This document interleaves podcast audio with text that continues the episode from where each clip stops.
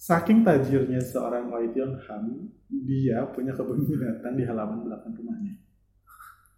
Iya. Iya. Orang bangun tidur di zaman dulu mungkin eh, kalau di sahabat sobat miskin ya dengernya cuman ayam berkokok. kalau Wai Tiong Ham bangun tidur dengernya omongan singa.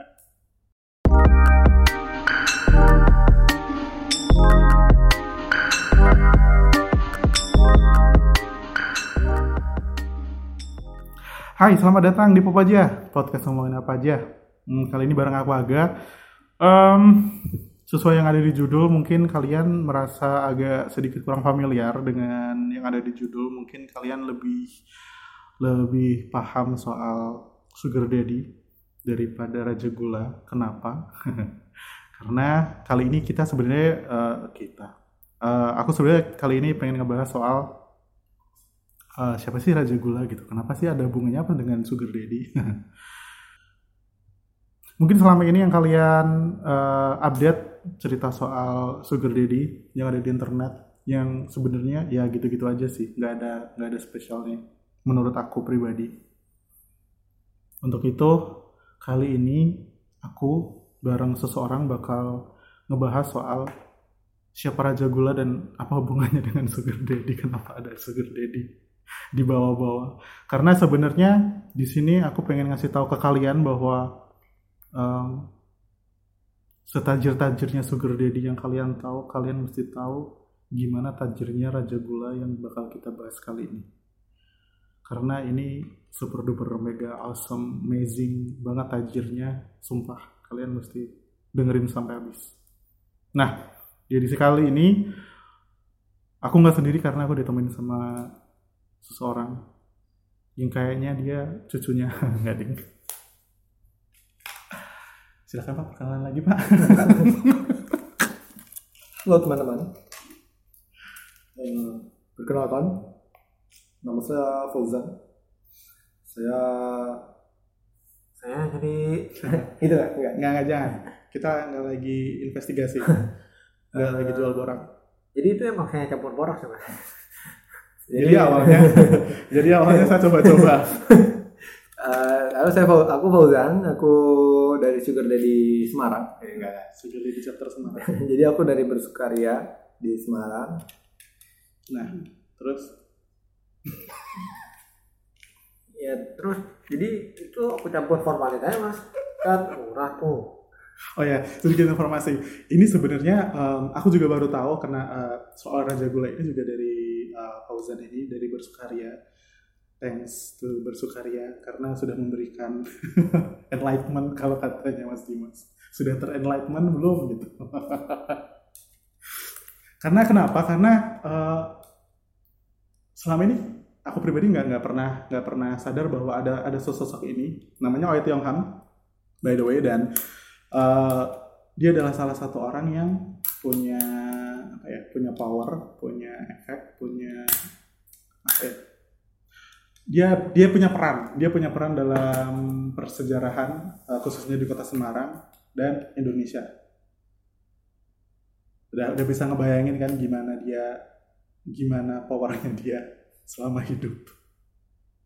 Oke ngomongin soal Oi Tiong Ham ini eh, by the way Oi Tiong Ham itu orang Semarang tapi dia hidup di zaman kolonial bener gak sih zamannya zaman apa Zaman kolonial bener kan dia pokoknya hidup sebelum negara api menyerang.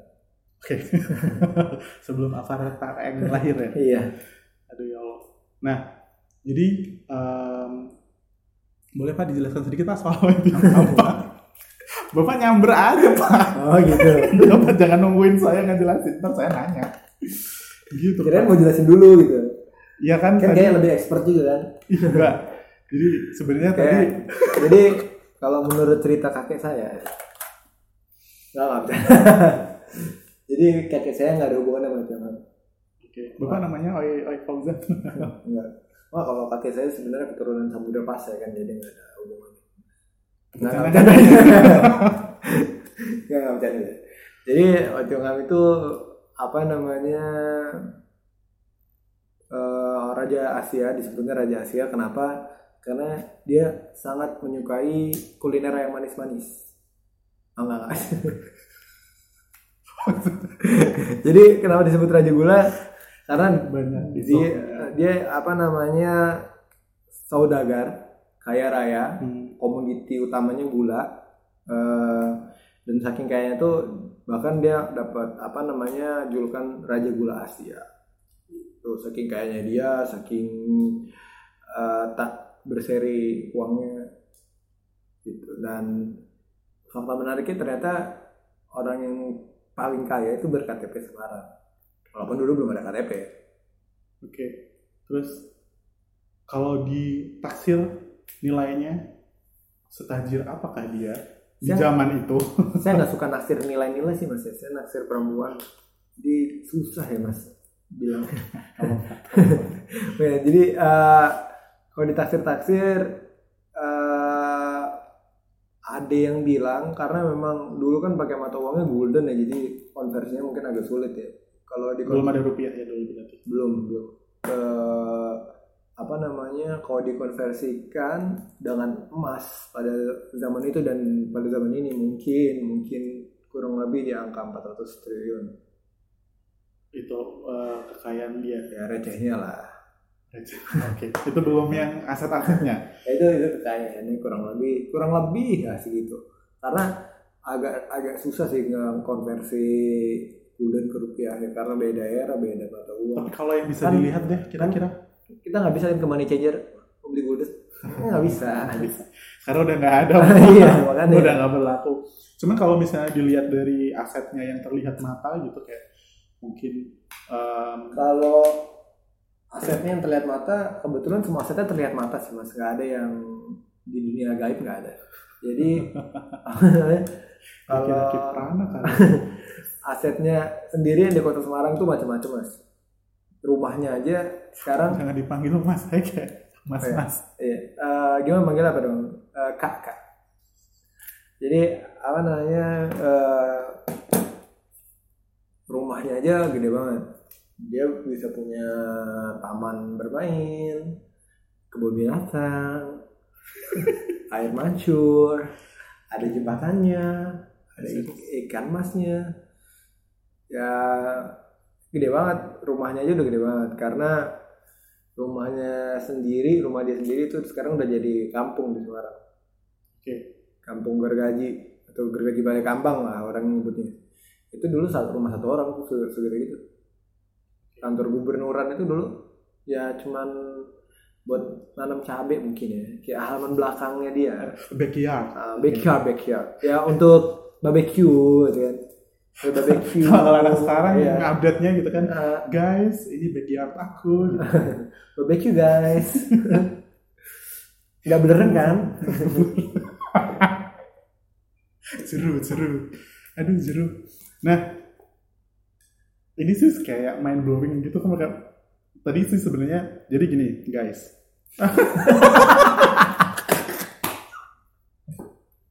Jadi gini aduh ya Allah gara-gara aduh gara-gara si itu tadi mbak-mbaknya tuh. Jadi gini Em, jadi eh, kenapa eh, podcast ini terjadi adalah karena em, tadi sebenarnya sebelum merekod podcast ini ada guys-guys yang lain. Aku tadi ikut ceritanya ini tadi eh, mengikuti serangkaian walking tour dan bener-bener apa ya diceritain yang fakta-fakta menarik tentang kekayaan Oyo Tiongkam si Raja Gula dari Asia ini. Dan kayak aku baru sadar ternyata di zaman itu ada eh, sosok ada orang yang kekayaannya bener-bener mind blowing mind fuck ampun itu kata apa Cuman dengan kekayaannya dia segede itu, kira-kira eh, efek yang sudah terasa oleh masyarakat di sekelilingnya, kira-kira ada nggak sih? Kira-kira, kira-kira ada nggak sih? Kira-kira. Eh, Oh Tiong Ham itu memang kaya banget. Jadi dia yang salah satu sebenarnya cara ngebuktiin termudahnya dia kaya banget tuh dia punya aset di kawasan kota lama. Dan dia bukan punya satu gedung. Dia punya satu dua tiga empat lima enam tujuh. Yang sekarang masih ada? Atau itu memang dari dulu itu Nggak, da, nggak dari dulu tujuh. Dari dulu tujuh nah, maksudnya itu tujuh tujuhnya punya Wei Kyung Ham Hmm. gitu. Sedangkan untuk punya asli di kota lama itu kawasan kota lama Semarang kan terkenal sebagai kawasan elit Eropa ya. Dan dia bisa tembus itu dan ya mungkin mas kalau keaganya ya kalau pernah dengar. Dia Apa? pernah nulis quotes. Oke. Dulu pas zamannya Pet Today eh bukan Pet Today ah Pet Daily ya Today quotes itu kalau Pet kan dulu zaman Pet suka nulis quotes quotes terus jadi poster apa? Pet Daily ya Pet Daily ya. Deli ya maaf. Uh, Pet Daily mungkin ada yang pernah nulis kayak tidak ada tembok baja yang tidak bisa ditembus oleh paku emas jadi setebal apa pun itu apa namanya kalau dikepret emas ya lembek juga. Melintir itu Itu ya, tajirnya. dia. Ya kalau ngomongin apa buat apa namanya warga sekitarnya tidak ada literatur yang berbicara itu sih. Namun Oh Tiong Ham itu sendiri juga punya peranan keluarganya keluarganya lah. Keluarganya juga punya peranan dalam kemerdekaan itu sebenarnya. Karena kayak anaknya itu gabung sama BPUPKI jadi kalau mungkin teman-teman pernah ngecek anggota keluarga BPUPKI kan ada yang keluarga ada yang namanya OI itu OEI gitu. Nah, itu salah satu anaknya. Jadi kayak apa namanya saking saking banyak duitnya itu terus sambil membantu nah terus Oh itu kan juga punya punya apa namanya kebun binatang Ini tadi nggak ke sana ya kalau emang dia punya kebun binatang di backyard dia. kenapa Ya tadi nggak nggak ke sana kan berarti kalau dia punya kebun enggak enggak binatang. enggak itu itu serius itu serius Jadi ini ya eh, bayangin aja saking tajirnya seorang Wai Tiong Ham dia punya kebun binatang di halaman belakang rumahnya. iya Iya. Orang bangun tidur di zaman dulu mungkin eh, kalau di sahabat sobat miskin ya dengernya cuman ayam berkokok. kalau Wai Tiong Ham bangun tidur dengernya oman singa. jadi dulu si Oce Hong tuh punya kebun binatang punya hewan-hewan eksotis jerapah gajah gitu dan itu kebun binatang yang dibuka setahun sekali untuk umum jadi kayak untuk hiburan warga juga gitu ya mungkin salah satu bentuk cara dia sharing. Hmm. Di- zaman segitu juga kayaknya wah banget gak sih kayak gimana ya? Orang bisa sampai ngebangun dan masuk masukin hewan gitu kan ke ke lingkungan yang memang bukan apa ya? Kan itu eksklusif kan termasuknya hewan-hewan kayak Oh. gitu bisa sampai dipelihara dan bisa jadi kebun binatang gitu kan. Coba bayangkan. Jadi em, sekarang kalau emang dia setajir itu bagaimana kehidupan percintaan dia? Apakah dia adalah salah satu orang yang termasuk uh, sugar daddy di- bener-bener sugar daddy dalam uh, arti secara harafiah di zamannya? Mau tahu? Tunggu setelah mau tahu? Jadi apa namanya dia itu dulu punya istri orang Cirebon. Awalnya? Awalnya. Ya sampai akhirnya sih sampai meninggal. Itu masih belum jadi cerai berarti? Kan nggak bisa dicerain. Oh iya lupa. Terus? bisa diserahin apa namanya nikah dah tuh dah. terus ditolak sama bapaknya. Dia jadi ditolak karena beda ras. Oke terus ditolak dan akhirnya dijodohin sama istrinya yang kedua. Nah di dari istrinya yang kedua itu apa namanya eh semenjak itu Raden tuh kayak marah sebenarnya kayak jadi si Raden ini by the way istri pertamanya? Raden itu istri pertamanya Oi Ham. Jadi eh apa namanya Oi Ham itu ketemu Raden saat kerja sama bapaknya. Jadi dulu Oi Tiong Ham kerja sama bapaknya buat nagihin uang sewa. Nah si Raden ini salah satu yang ngontrak lah di rumah bapaknya. Nah pas lagi itu kayak wah cantik sekali wanita ini ya kan. Cantik sekali deketin ah deketin kan. Langsung dunia jadi slow motion. Iya, sesaat slow motion terus ada gelembung-gelembungnya sama angin ya kan.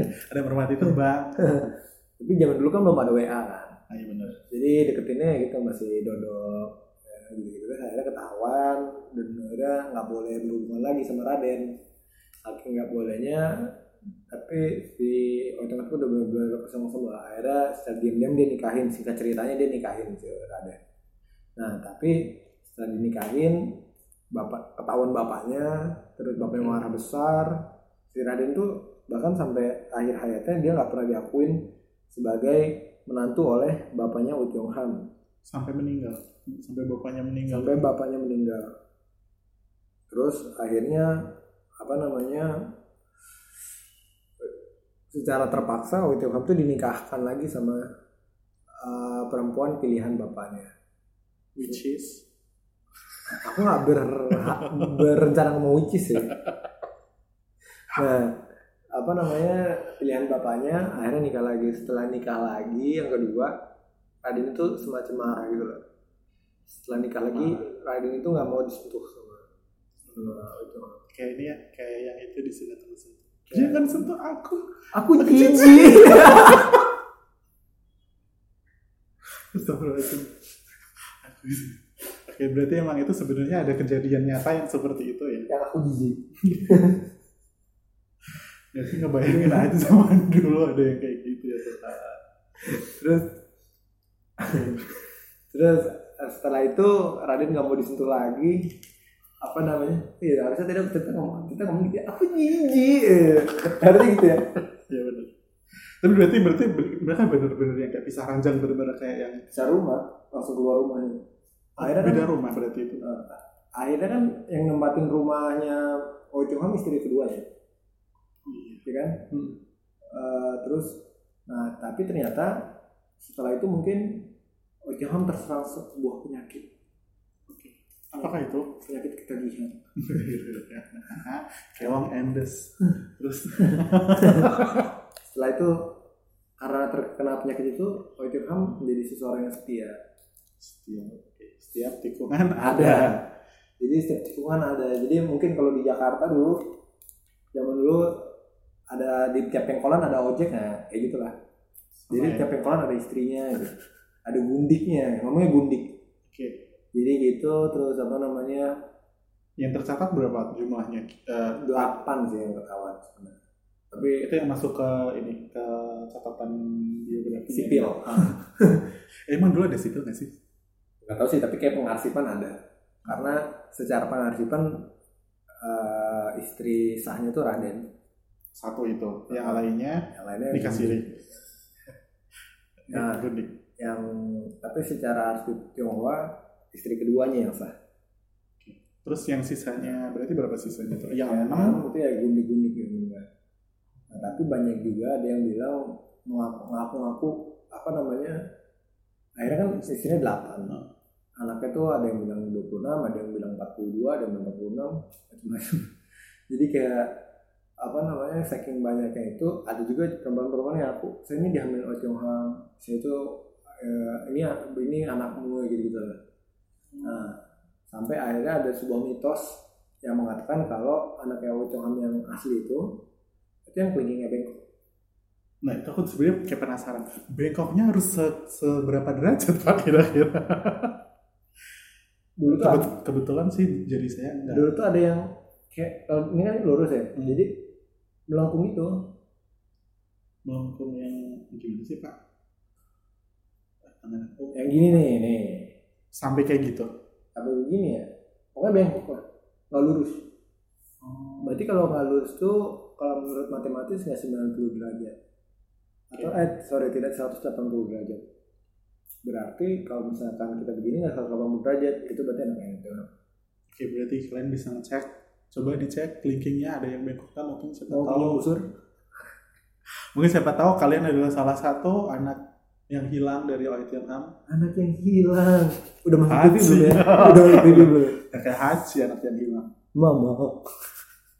Mama. Nah, oke, terus oke satu ini aku em, pertanyaan terakhir deh, yakin insya Allah. masa yakinin aku please. Berat sama ya Allah udah udah asar pak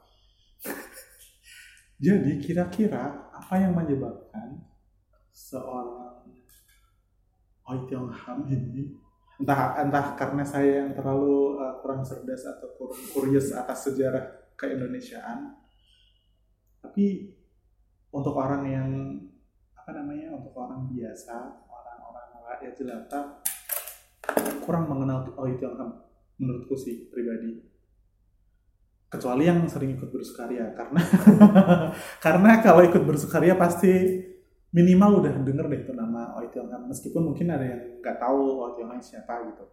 Cuman hampir di semua rute Oi Tiong Ham dimention namanya karena emang ya asetnya dia uh, banyak tersebar di beberapa titik di kota Semarang dan Pulau Jawa.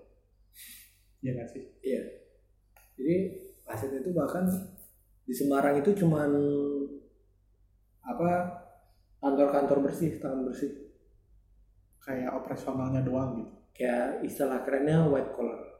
White collar ya yang nah, kalau yang yang pabrik-pabriknya justru di kota-kota penyangga Semarang kayak Kendal gitu. yang blue yang blue colarnya di sana. Di sekelilingnya ya berarti. Daerah Kendal daerah apa namanya Kalongan gitu.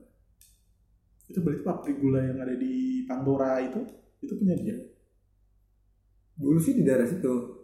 Masa nggak nggak tahu nggak tapi nggak nggak tahu kalau pabriknya itu diakuisisi akhirnya jatuh di pemerintah ya? Kurang tahu sih tapi dulu tuh pabrik-pabriknya tuh nggak ada yang di Semarang. Di Semarang tuh bener-bener kantor bersih.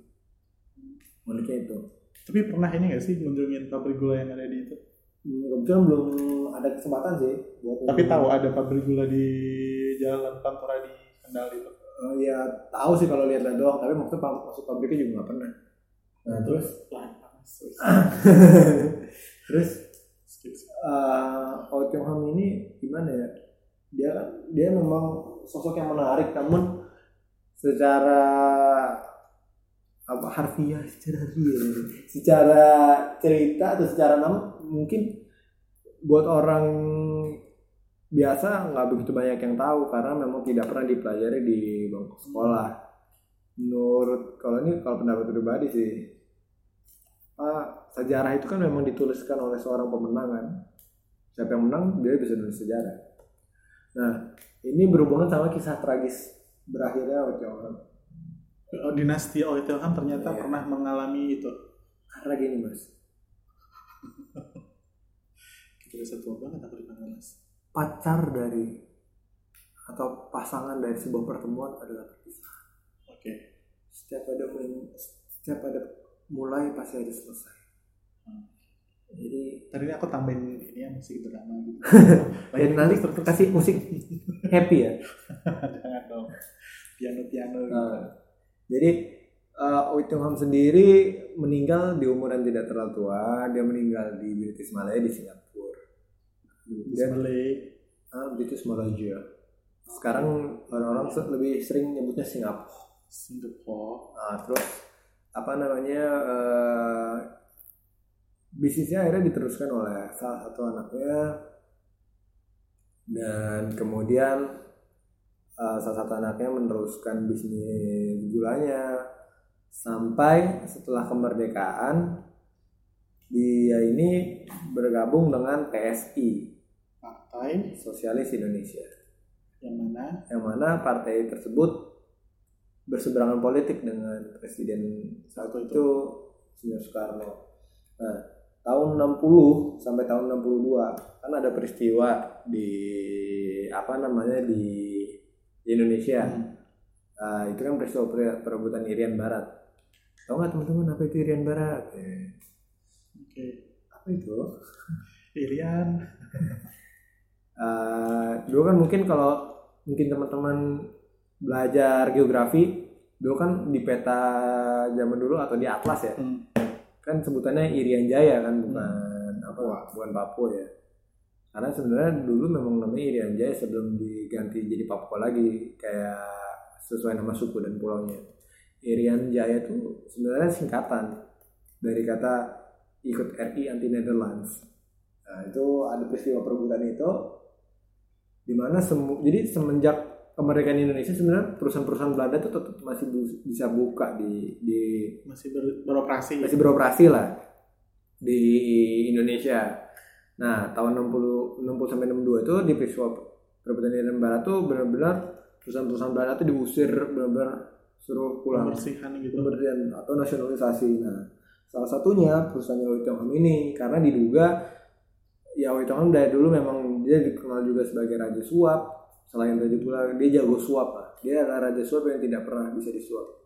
Jadi apa namanya eh, dia di apa namanya dinilai perusahaannya itu punya kedekatan dengan Belanda. Akhirnya kayak perusahaannya itu diambil alih dan dinasionalisasikan akhirnya menjadi RMI saat ini jadi BUMN nah apa namanya setelah itu benar-benar jejaknya Oi Tongham hilang jadi kayak mungkin karena karena keputusan anaknya anaknya itu yang berseberangan berseberangan itu akhirnya dampaknya dampaknya seperti itu. Jadi kayak mungkin akhirnya Wei Tongham itu bukanlah seseorang yang begitu nasionalis gitu. Akhirnya jarang dipelajari di bangku sekolah.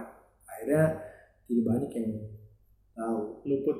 Luput. Karena banyak banget sih sebenarnya yang tidak diajarkan di sekolah itu karena kayak bagaimanapun mengajarkan aku tidak bilang sistem pendidikan itu salah ya maksudnya bagaimanapun memang sejarah itu diceritakan untuk menimbulkan rasa patriotisme, rasa nasionalisme kepada negeri ini kan. Nah, ada juga beberapa sejarah yang jarang diceritakan di sekolah kayak perang Napoleon contohnya. Jadi dulu ada pernah juga perang Napoleon di Jawa. Itu Perancis lawan Inggris. So, kenapa Perancis nggak pernah jajah kita bisa perang di sini? Ya mungkin bisa ikut walking tour yang di Jatinangor ya. Aduh promo aduh aduh aduh aduh aduh. makanya Makanya ikut rute Jatinangor. nah kalian kalau misalnya lagi di Semarang terus eh, mungkin kalian tahu ada Jakarta Good Gate ada Jogja Good Gate ada Lombok Good Gate gitu kan kita di Semarang punya bersukaria Bersukaria walk nah bersukaria jadi kalian bisa ikut dan bisa tahu itu tadi ada perang apa, apa namanya perang Napoleon. Jadi ya gitu tadi kita aku sama Mas Aga jalan-jalan di rumahnya doang. Ya memang kita nggak akan bisa ngebahas itu yang secara menyeluruh karena gimana ya asetnya ada di tiap sudut kota kalau kita jalan capek juga. kan namanya walking tour.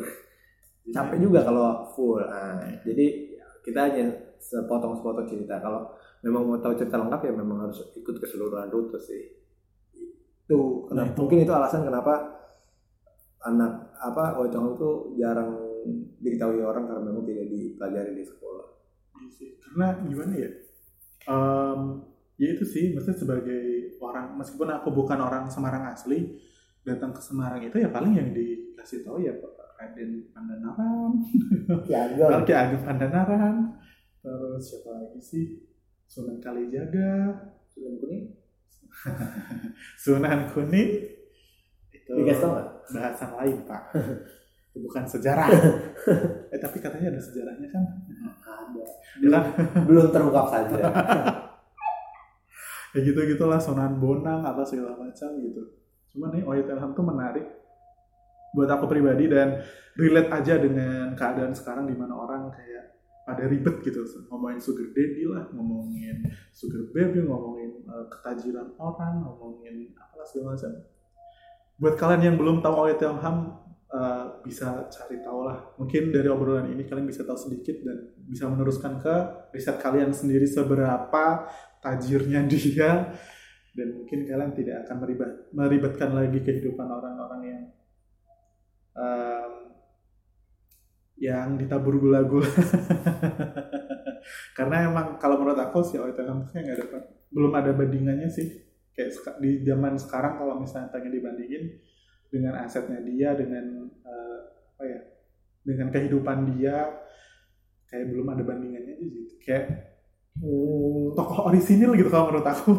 Sekarang yang paling kayak di Indonesia yang punya ini nggak sih? Yang punya Haritano. Bukan, yang punya jarum nggak sih?